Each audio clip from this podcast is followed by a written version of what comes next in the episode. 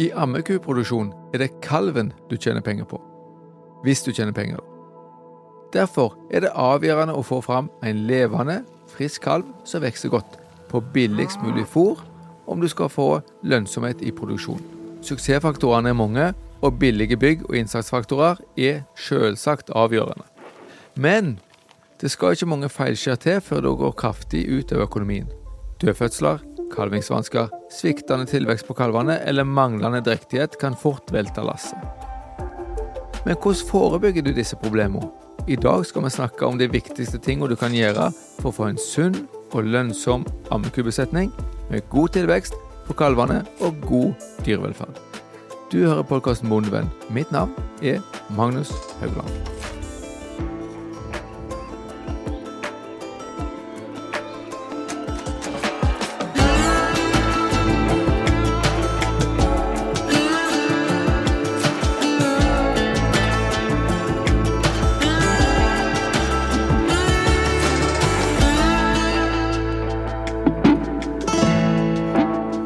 Podkasten Bondevennen blir presentert i samarbeid med Sparebank1 SR-Bank og Tveit Regnskap. Vi bidrar til at bonden lykkes.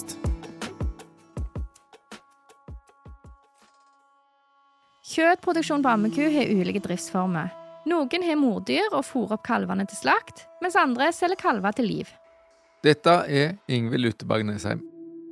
Mye av grunnlaget for å få godt resultat i denne produksjonen legges før kalven er tre måneder. Derfor ligger det mye ansvar for slakteresultatet på kalven på den som steller ammekua. Vår gode kollega på Vinterlandbruksskolen, Henrik Nerheim, er lærer i økonomi. Han har gjort seg noen tanker om dette. Ammekuproduksjonen er jo en eh, kostnadsfølsom eh, produksjon. Eh, du får bare én kalv i året, på lik linje med sau, for så vidt. Det er jo den ene kalven som skal gi deg utbytte dette året. Og mister du den kalven, eller den kalven ikke vokser skikkelig, så vil det jo da selvsagt det vil gå ut over inntektene. Dyrevelferd er jo fryktelig viktig, og fokus på kalvestell. Og selv om kua er jo ei god mor, så hender det jo må ha hjelp. Mister du kalven, så har du ingenting. Da har du ei gjeldku eh, resten av året, egentlig. Um, Påsettprodusenten i ammekuproduksjonen ligger som ofte ned mot 20% Ergo så har du ikke så mye annet uh, å selge enn den der uh, kalven. Så kalven er jo alfa og omega her. For det er jo òg antall kilo kjøtt levert per ku som uh, er nøkkelen her, rett og slett. Det er stor variasjon mellom de som tjener penger, og de som ikke gjør det. Og som jeg pleier å si, når det er stor variasjon, da er det ofte mye å hente. Det er mange ting vi kan gjøre for å påvirke resultatet. Selvsagt er det ulike målsetninger til hvorfor man driver med ammeku. Men i dag skal vi ta utgangspunkt i at en ønsker å tjene penger på produksjonen. Og vi kommer ikke til å snakke om rammevilkårene, bare fag. Vi har snakka med veterinær og ammekuprodusent Kjartan Søyland, som driver både med melk og ammeku i Gjesdal. Vi spør han hva han syns er de viktigste faktorene for å tjene penger på ammeku. Først av alt så er du avhengig av at du får kalv i kua, eh, og helst til rette tid. Uten en drektighet i året, eller iallfall eh, maks 15 måneder mellom hver drektighet, så forsvinner mye av tilskuddet. Eh, og det er kalven du skal tjene penger på, så du er nødt til å få kua drektig år etter år. Dette er kjempeviktig. Går du over grensa på 15 måneder, går tilskuddet drastisk ned. God fruktbarhet er derfor essensielt for å lykkes, og det er veldig avhengig av helse og fòring, noe vi skal komme tilbake til. Rimelig oppstalling. Det trenger ikke bety at bygget ditt skal være eh, bare et skur, men at eh, en må ha et bevisst forhold til om en trenger eh, de dyreste flotteste løsningene. Eh, samtidig så det kan ikke være så simpelt og enkelt at du bruker urimelig mye tid på å stelle dette, og at dyra har det for trangt, eller ikke har det så de får utøvd sine naturlige behov. Et funksjonelt fjos som det er effektivt å stelle i, trenger ikke nødvendigvis være mye dyrere enn et upraktisk fjos. Det gjelder å velge gode løsninger og bruke pengene på det som er viktig for å få god dyrevelferd. Kanskje ikke fullforblanda roterende fòrbrett og måkerobot. Nei, men nok plass gode liggeplasser til dyra, enten det er talle- eller liggebås. nok kalvingsbinger, fangfronter for enklere håndtering og rasjonelt opplegg for å flytte dyr. Men tenk òg på hvordan du enkelt og billig kan få ut fôr, sånn at du ikke må ødelegge både skuldre og tidsplan på å gafle silo og halm hver eneste dag. Helt sant. Man trenger ikke tenke isolert bygg, men åpen løsning med utvendig fòrbrett og fòring med traktor kan være en rimelig løsning. En må òg tenke på hvilken maskinpark en trenger. Bare hør på Henrik. Det Mekaniseringsgraden er viktig. Hvor stor eh, og dyr maskinpark en syns en må ha for å så, eh, ha denne produksjonen. Det er jo ikke sikkert at en trenger de drygeste maskinene for å fø ti ammekyr. I tillegg til billige bygg er det viktig med gode beite og billig fôring. Ressursene som en rådøver på gården, eh, altså billig og godt og nok grovfôr, inkludert beite. Beite er jo egentlig nøkkelen for suksess her. En må ha masse beite, og det må være av veldig god kvalitet for å få et godt uh, utbytte. Gode beite og billige fôring der, altså. Men også rett fôring er nøkkelen til suksess. Billige og samtidig gunstige fôring er jo også helt avgjørende. Særlig i perioden etter kalving så må kua fôres kraftig nok eh, med energi og proteinrikt fôr til at hun kan optimalisere melkeproduksjonen sin. Så har du andre perioder av året der det er viktigere å fôre kua svakt nok. Så optimale fôring de forskjellige periodene eh, i årssyklusen er avgjørende. Vi vet at måten å få rimelig fôr på er å ta store avlinger. Derfor vil det ofte lønne seg å snu enga ofte nok, og så grasarter som gir stor avling med de forholdene som du har på din gard. Vi er ikke like avhengig av høyt energiinnhold i alt fôret vi skal lage til ammeku, som til melkeku. Kua trenger selvsagt mer energi når hun nettopp er kalva og skal produsere melk til kalven, enn hun gjør i gjeldperioden. Det skal vi komme tilbake til. Men det er veldig viktig å fokusere på volum når vi hoster fôr i ammekuproduksjonen, sånn at det blir billig. Derfor kan alternative grassorter som strandsving eller hundegras være mer aktuelt i ammeproduksjon enn i melkeproduksjon, fordi mye av fôret vi trenger må være strukturrikt og gi vomfyll. Men det er fortsatt viktig å drive enga godt, kalke, fornye og sørge for store avlinger. I området der en får tak i halm, er det et veldig godt fôrmiddel til ammeku i lågdrektigheten, men det skal vi også komme tilbake til. Så i neste omgang så er det jo enormt viktig med ei vellykka kalving. Der både en levende kalv og ei ku som er i stand til å ta seg av den kalven, kommer ut av det. Eh, deretter så er det ikke nok at kalven overlever, men han må ha mat til å trives. Han må ha råmelk, og han må ha, eh, få nok mat for å få ut potensialet sitt. Eh, der kommer det inn at du må ha ei ku som eh, produserer nok melk til kalven sin vekst. Og Kalven skal ikke bare overleve, han skal helst få så mye melk til å begynne med at han vokser eh, maksimalt før han er i stand til å ta opp eh, grovfôr og kraftfôr. Er kalven stor nok ved avvenning, så har den fått en kjempefordel i å oppnå gode slakteresultat. Den blir òg slaktemoden tidligere, og du sparer oppfòringskostnader. Mange av ammekurasene har lav melkemengde, så fokus på melk i avlen er viktig. Avl spiller òg inn. Eh, både på kort sikt og lengre sikt, med fokus på ei ku som kalver lett, og som molker godt, så hun avvenner store kalver. Og samtidig tar vare på seg sjøl, at hun eh, får i seg nok næring til at hun kan ta kalv på nytt, er avgjørende. Vi kunne lagd en helt egen podkastepisode om avl i ammekuproduksjonen, så vi får begrense oss litt her. Men velg ut kyr som kalver lett og melker godt.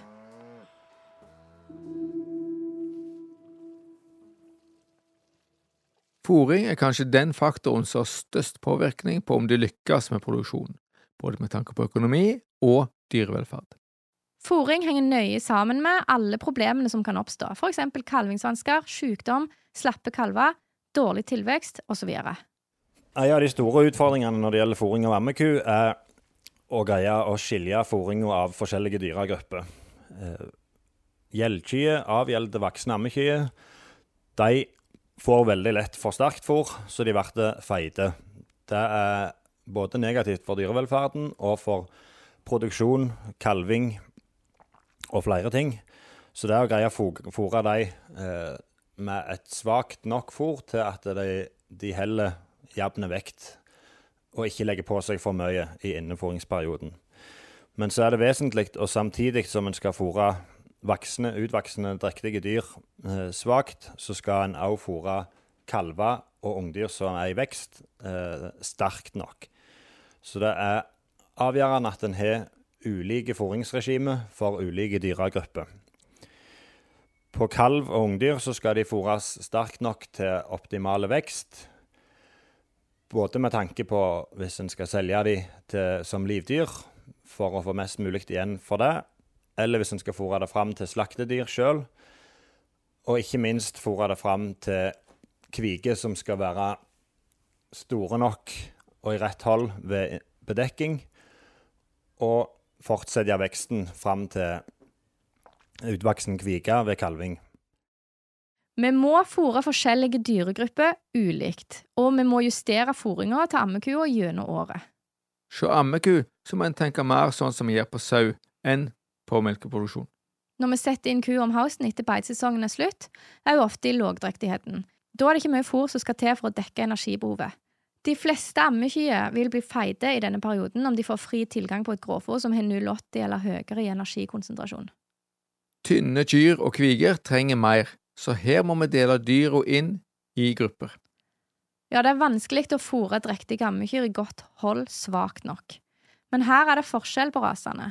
Rasene som har melka godt og tappa litt av hold i ammeperioden, de tåler litt hardere fôring enn raser som er i godt hold når du setter de inn. Ofte må vi inn med halm for å få en rasjon de kan få fri tilgang på uten å bli feite. Og feite kyr, det er dårlig dyrevelferd. Det er bedre å strupe litt på mengden fôr hvis vi ikke har tilgang på halm eller grovt nok grovfôr for å unngå feite kyr. Men å la dyra stå med tomt fôrbrett store deler av døgnet, det er veldig dårlig dyrevelferd. Da får de ikke utføre sine naturlige behov for å tygge og drøvtygge, og da trives de ikke. Ei feit ku har trangere fødselskanal og er i dårligere kondisjon og rett og slett eh, mindre i stand til å gjennomføre en fødsel på eh, rett måte og korte tid eh, enn ei ku som er i riktig hold. Men det har veldig stor betydning for forekomst av kalvingsvansker på kvike. Og da gjelder det fôringa helt ifra dyra er små, eh, ifra avvenning og fram til bedekking, men ikke minst òg videre ifra bedekking og fram til kalving. Eh, det er ikke nok å fôre kvika eh, godt, sånn at hun vokser og er rett størrelse ved bedekking, og så setter en her på så skrint beite at hun knapt nok vokser etterpå. Unge kviger kan vokse veldig fort fram til de blir drektige om de får rett fôring. De bør være store nok når de skal insemineres, for når de blir drektige, så vil vekstkurven bli slakere, altså de halverer omtrent den daglige tilveksten. Så god kalve- og ungdyrfòring må til for å få dyra store nok til å kalve når de er to år. Dette er en av utfordringene med konsentrert kalving og telledato 1. mars.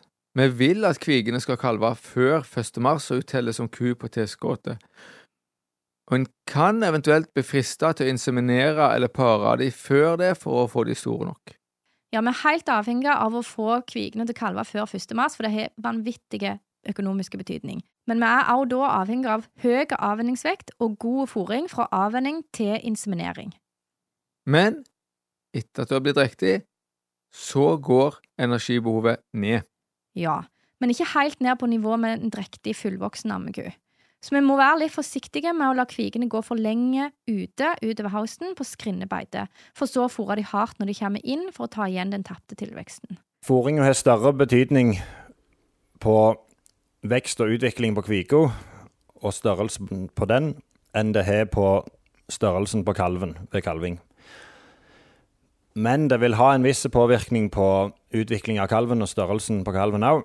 Fôrer du kviga sterkt i andre trimester, så er det mye, mindre sjanse for en altfor stor kalv enn om du fôrer den svakt i andre trimester. Ved svak fôring i andre trimester og gjerne sterk fôring på slutten, så vil det kunne gi en veldig stor kalv, samtidig som kvika har vokst for lite i deler av drektigheten. Dårlig næringstilgang i midtre drektighet, andre trimester, vil gi utvikling av en større navlestreng for å sikre nok næring til fosteret. Dette vil jo da føre til at i tredje eh, trimester så får gjerne kalven for mye næring. I tillegg til at kvika henger bakpå med veksten, for hun har blitt fôret for svakt i midten. Små kviger med for store kalver, det er egentlig en krisesituasjon. Og det kan ende med en katastrofekalving og i verste fall tap av både kvige og kalv. Denne episoden er sponsa av Felleskjøpet Rogaland Agder. Felleskjøpet arbeider hver dag for din lønnsomhet som bonde, og for lokal og norsk matproduksjon. Ta kontakt med en av våre konsulenter, eller gå inn på nettsidene våre bondekompaniet.no.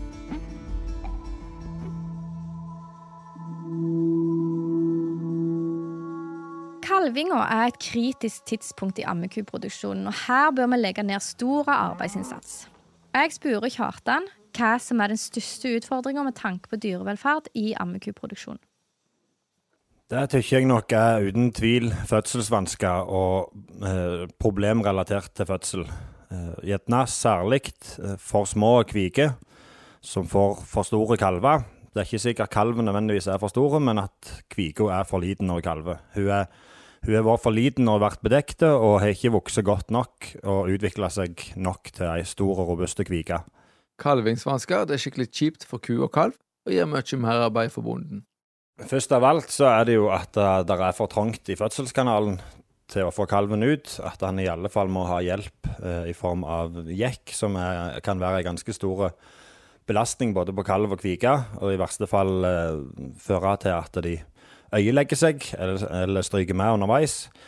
Eh, alternativt kan en operere kalvene ut med keisersnitt. Eh, det er jo ikke heller uten komplikasjoner, og det er, det er heller ingen garanti for at uh, en får et levende resultat. Men det kan i mange tilfeller være et, et bedre alternativ enn for hard eh, jekking.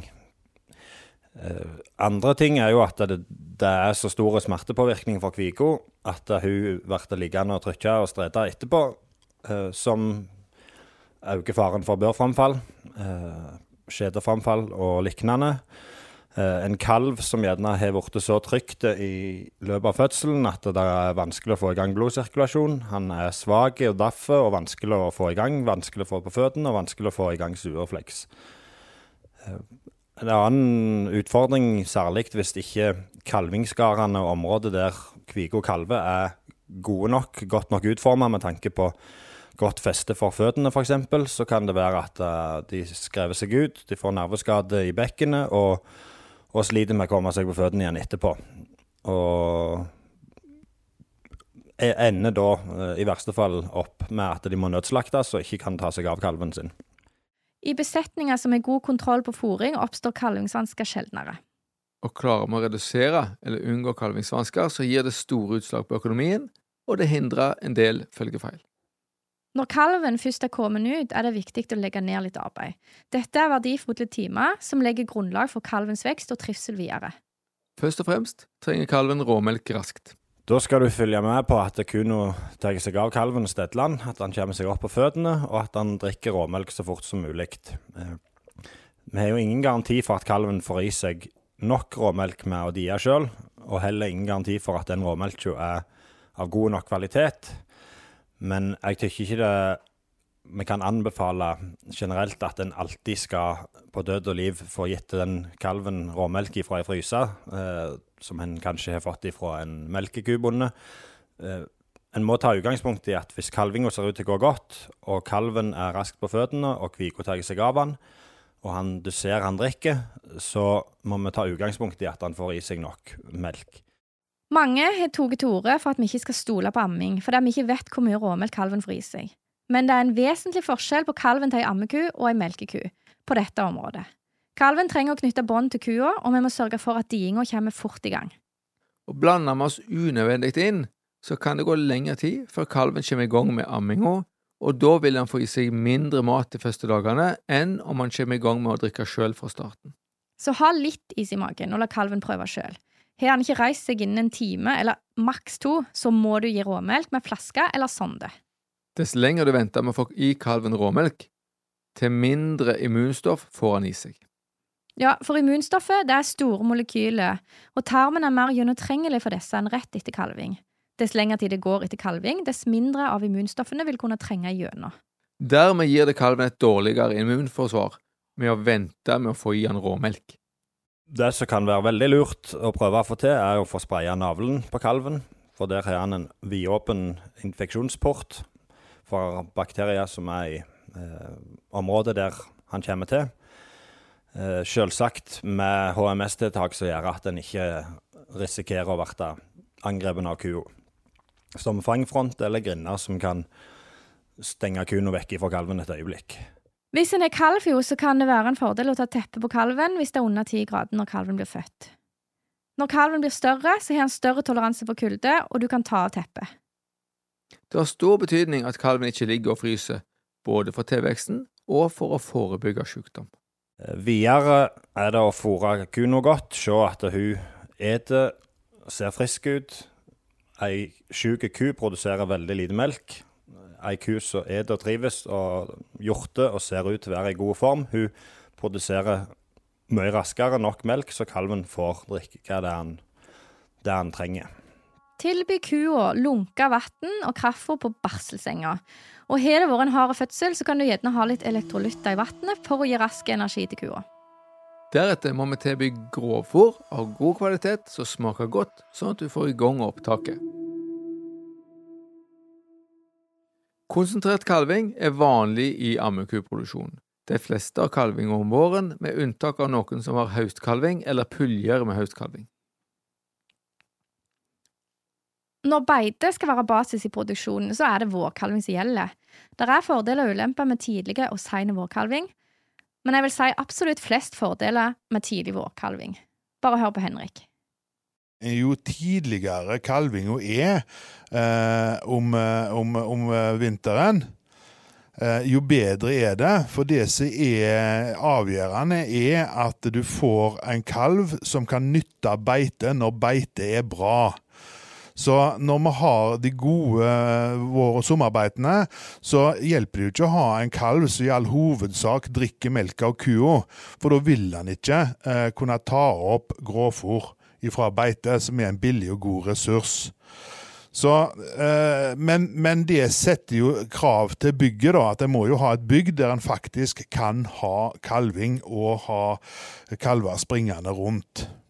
Og hvis en da har en kalv som utnytter beitene godt i, eh, i eh, sesong, så kan en jo da avvenne kalven tidligere når beitene begynner å bli dårligere, og kua kan gå ut på dårlige høstbeiter, og kalven kan da enten selges til liv direkte, eller settes inn til intensiv framfòring. Kjartan ser òg mange fordeler med tidlig kalving. Fordeler med tidlig kalving, sier si f.eks. fra januar til mars, eh, det er flere ting. Eh, du har den med at kalven har en hel periode inne der du går i lag med ku og kalv. Kalven blir vant med folk på en annen måte enn hvis han ble sluppet rett ut på beite rett etter kalving. I tillegg så vil kalvene i løpet av den perioden begynne å ete kraftfôr og grovfôr inne. Noe som gjør at de får tidlig utvikla drøvtyggerfunksjon og god eh, vom. Som i neste omgang gjør at de, kalvene sjøl vil ha større utbytte av beitegresset når de kommer ut på beite.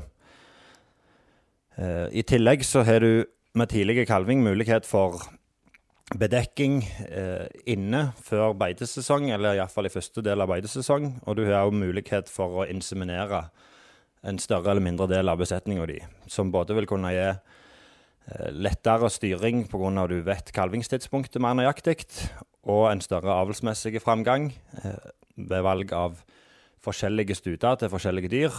Mer trygghet rundt kvikekalving med at eh, små dyr gjerne ikke får samme studen eh, som utvoksende kyr. Det går an å bruke raser som, som gir små kalver, f.eks. Eh, slaktetidspunkt for stutkalvene året etterpå vil være gunstig hvis du har tidlig kalving, for da er studene i slaktemoden alder når prisen for slakt er på det høyeste i mai og juni. Og slakter når prisen er høyest, det viser igjen på bunnlinja. Hvis en i tillegg greier å få puljetillegg med å ha så konsentrert kalving at de fleste er slaktemodne samtidig, så gir det utslag. Ja, en, en ting til for, forresten er jo det med muligheten for å sende dyra på utmark der du egentlig ikke har lov til å ha med avlstud. Og iallfall gjerne ikke er så fristende, for det at du ikke vet hvor den ender opp. Så hvis du da har fått bedekt dyra inne eller på heimearbeidet, så, så øker det mulighetene, gjør det det lettere å kunne ha dyra gående på utmarksbeite lenger. Mer bruk av utmarksbeite utløser også tilskudd. Men har en dårlig plass i fjosen, kan det være lurt å legge kalvegården nærmere tidspunktet for beiteslipp. Ja, og med tidlig kalving så kan vi risikere uønska tidlig drektighet. Eh, tidlig fødte kalver vil både kvikene og stutkalvene vil kunne verte kjønnsmodne i løpet av beitesesongen. Det vil kunne føre til en utfordring både med tanke på tjuvparing, uh, uønska tidlig drektighet, og at de er mer uh, ivrige på å trekke mot nabobeite der det gjerne er brunstige dyr. Uh, en annen ting er smittepresset inne. Hvis en ikke har overflod av kalvingsskarer og stort nok areal, stor nok plass, så vil, der, eh, vil, det kunne være gunstig at en kort tid etter kalving får ut en del dyr, sånn at det der ikke trenger være fullt med dyr med kalv gående inne samtidig i flere måneder. NRF-okser blir stort sett ikke kjønnsmodne før åtte måneder, men en del av kjøttferasene kan ofte bli kjønnsmodne tidligere, helt ned mot seks måneder. Hvis kvigene blir drektige så tidlig som seks måneder, så ødelegger vi de. De reduserer veksten kraftig når de blir drektige, og vil være for små ved kalving. Etter første kalven vil de heller ikke vokse så mye, og de vil aldri få en god nok melkeproduksjon til å avvenne en stor kalv. Eh, Uønska drektighet på unge dyr vil kunne påvirke voksenstørrelsen på dyret med at veksten eh, endrer seg fra dyret blir drektig første gangen, selv om det skjer i ung alder. Så det vil kunne påvirke dyrets voksenvekt at det gjerne ikke greier å bli like stort og utvokse som om det ble eh, gjort på vanlig vis. Men det er smarte ting en kan gjøre for å unngå tjuvparing ved tidlig kalving. Ei abortsprøyting er en ei påkjenning for dyret. Det er ikke, vi vet ikke nok om hvor stor den påkjenninga er, men eh, det er en hormonelle påvirkning på dyret som gjør en abort som på tidlig stadie antagelig ikke er enormt smertefulle, men eh, sannsynligvis så er det smerte og ubehag med eh, i denne prosessen. Og derfor så bare den usikkerheten rundt hva påvirkning det har på dyret, er grunn nok til at en bør ikke legge opp til det som fast rutine. Når det er sagt, hvis den skaden er skjedd, så er det mye bedre at en abortsprøyter dyret på et tidlig tidspunkt, enn at det dyret får vokse fram og kalve når det sjøl er altfor ungt. For det vil gi mye større dyrevelferdsmessige utfordringer enn om en avbryter det på et tidlig tidspunkt. Hvis uhellet først er ute, så er det viktig å agere. Det er mulig å gi kvigene ei abortsprøyte. Men det bør ikke være ei hvilepute. Et poeng, poeng, er jo at en må da ha en avlsstut gående med de eh, forholdsvis tidlig, før kalvene er store nok til å være kjønnsmodne, og så er nødt til å ta den ifra.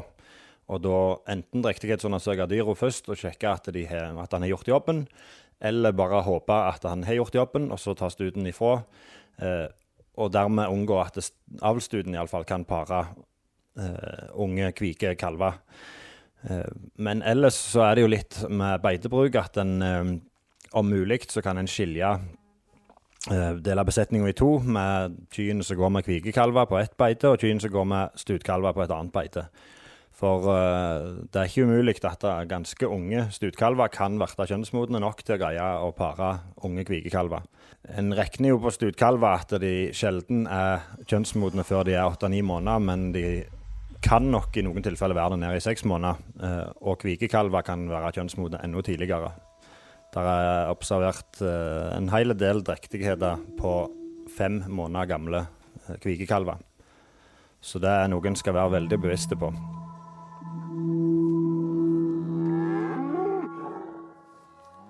Tidspunkt for avvenning har betydning for tilveksten hos kalvene.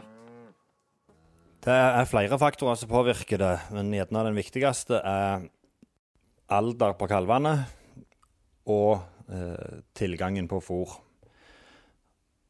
Kalvene skal jo helst ha optimale tilvekst eh, hele veien for økonomien vår, og for at en kalv som har god tilgang på fôr og vokser godt og trives, den har det òg bedre enn en kalv som må eh, lete etter mat, som, har, som egentlig får for lite mat i forhold til det behovet en har. Så hva type beite en har, har en del å si. Men òg eh, kalvingstidspunkt og hvor gamle kalvene er. Eh, for optimale tilvekst på kalvene, så bør de jo ikke gå opp ute på beite utover sensommeren og høst, når dette begynner å tape seg, iallfall. Hvis ikke en har gode muligheter for å gi tilleggsfòring i form av f.eks. For kraftfòrautomater til kalvene. Da kan en kompensere for mye av dette hvis en ønsker å ha dyra lenge på beite fordi en har gode tilgang på beite, og, og gjerne òg at det er utmarksbeite inni der som eh, det er veldig gode tilskuddsordninger for å utnytte. Avvenninga er et annet kritisk tidspunkt i ammekuproduksjonen. Mange får med seg når naboen avvenner kalvene. Det blir brøling i mange dager etterpå. Vanlig avvenning med å skille ku og kalv tvert gir en knekk i tilveksten på kalven, fordi en bruker masse tid på å raude og lete etter mor i plassen for å ete. Avvenning er en påkjenning på både ku og kalv, eh, bestående av flere eh, forskjellige punkt.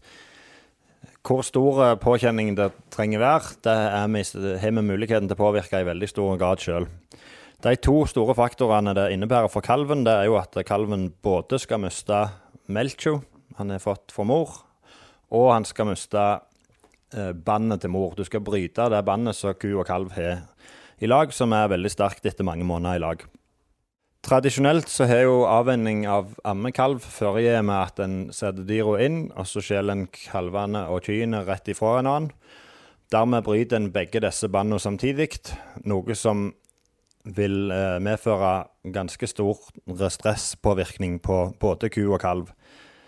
Kalven trenger jo ikke melka lenger når han er fem, seks, sju måneder gammel.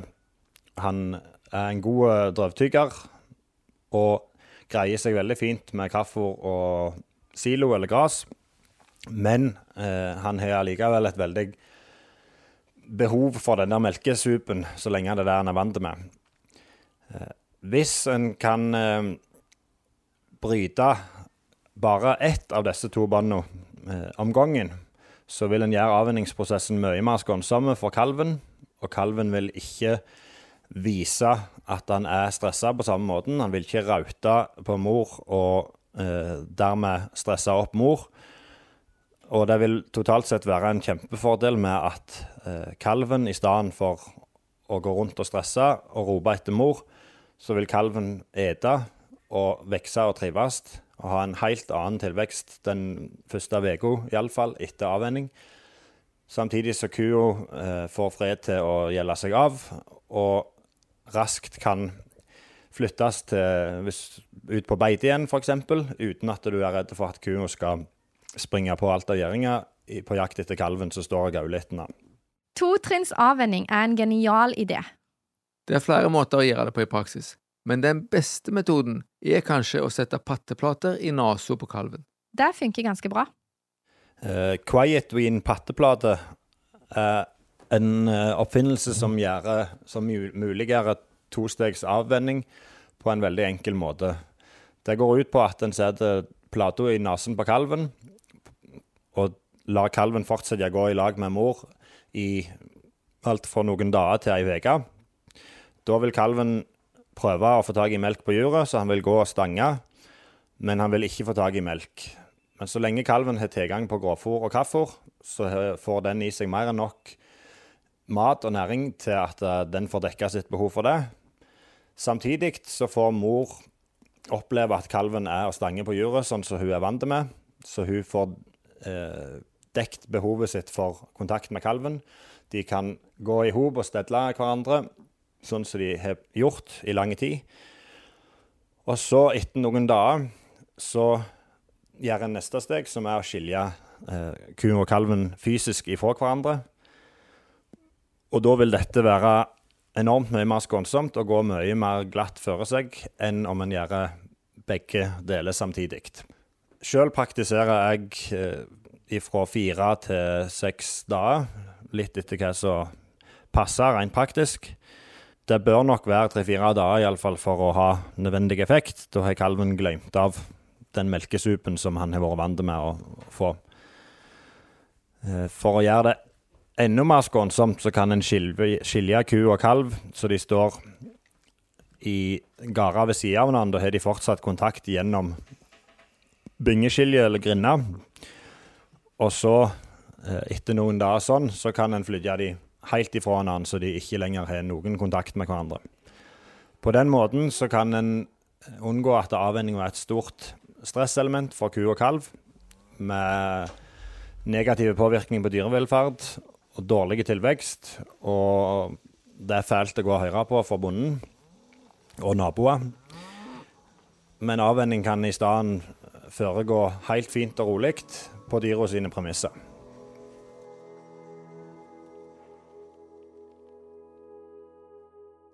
En ting som kan føre til redusert tilvekst hos kalv, er for stor parasittbelastning.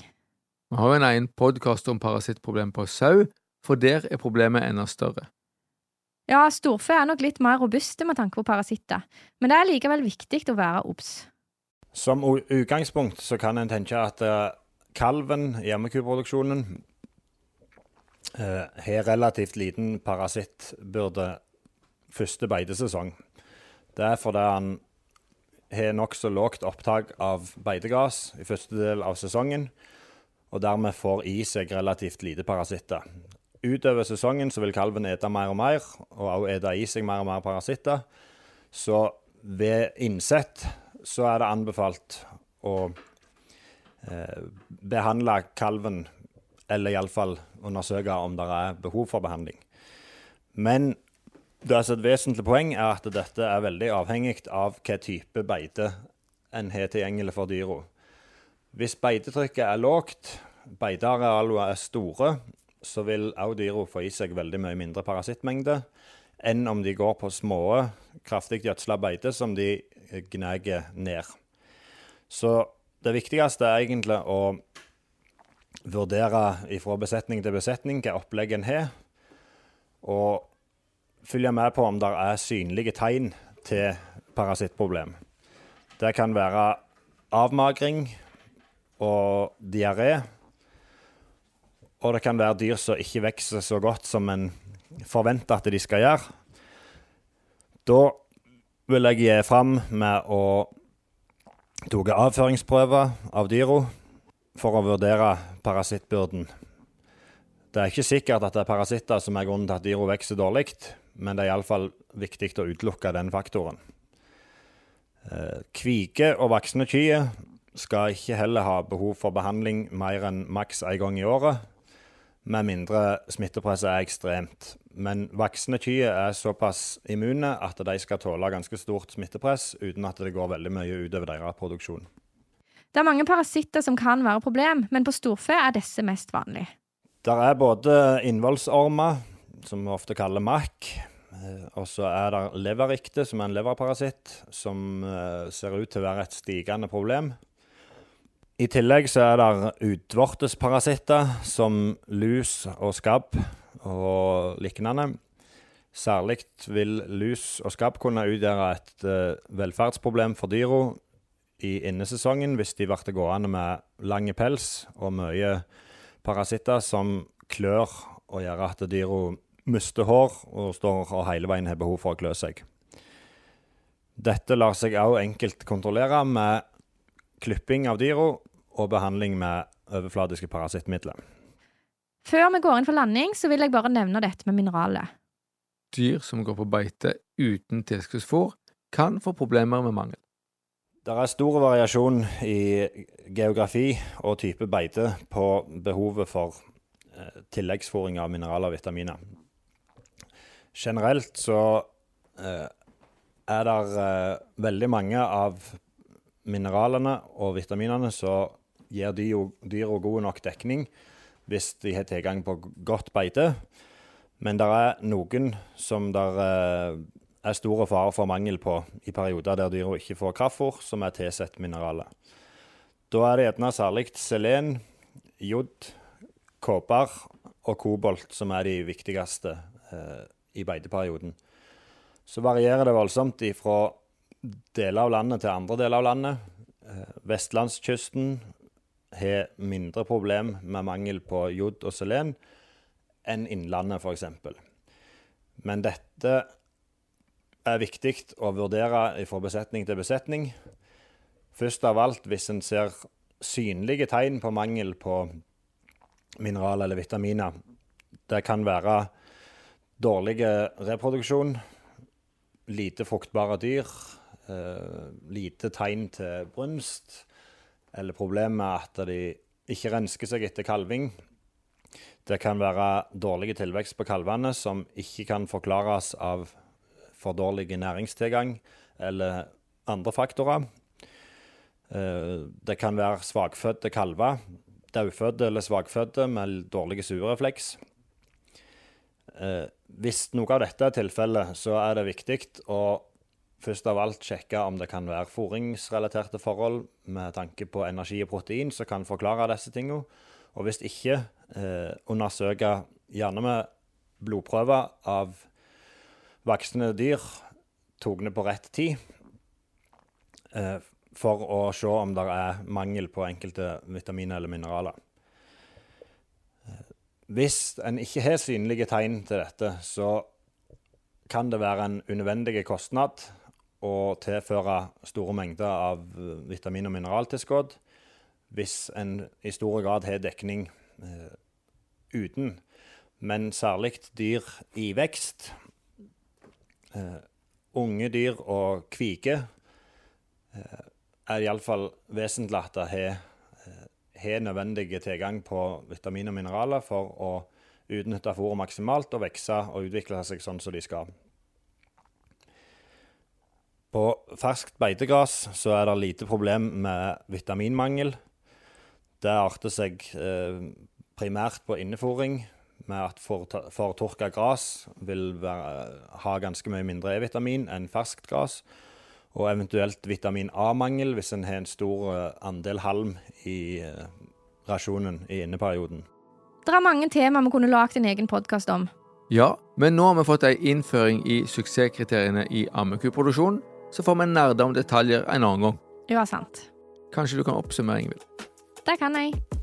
Ammekuproduksjonen er en marginal produksjon der vi må være bevisste på kostnadene. Kalven er det vi tjener penger på, og vi er avhengige av en levende, frisk kalv som vokser og slakter seg godt. Gode beite og billig grovfôr er viktig. Riktig fôring er avgjørende for å lykkes. Nok energi og protein til voksende dyr, sånn at vi forebygger kalvingsvansker og får fram store og robuste kviger. Og så må vi ha svak nok fôring til eldre kyr, sånn at de ikke blir feite. Skånsomme avvenning med patteplate, der kalven ikke mister både mor og melka samtidig. Det gir bedre tilvekst, mindre stress og bedre dyrevelferd. Tidlig kalving har mange fordeler, men vær forsiktig med tjuvparing. Du hører på podkasten Bondevennen. Mitt navn er Ingvild Luteberg Nesheim, rektor ved Vinterlandbruksskolen i Ryfylke. Og jeg er Magnus Haugland, lærer ved Vinterlandbruksgrunn og rådgiver i Norsk landbruksrådgivning Rogaland. Har du spørsmål eller tilbakemeldinger, så blir vi glad for en e-post på podkast at bondevennen.no. Episoden er spilt inn i ABC Studio i Etne. Lyd ved Stig Morten Søre. Takk for at du hørte på.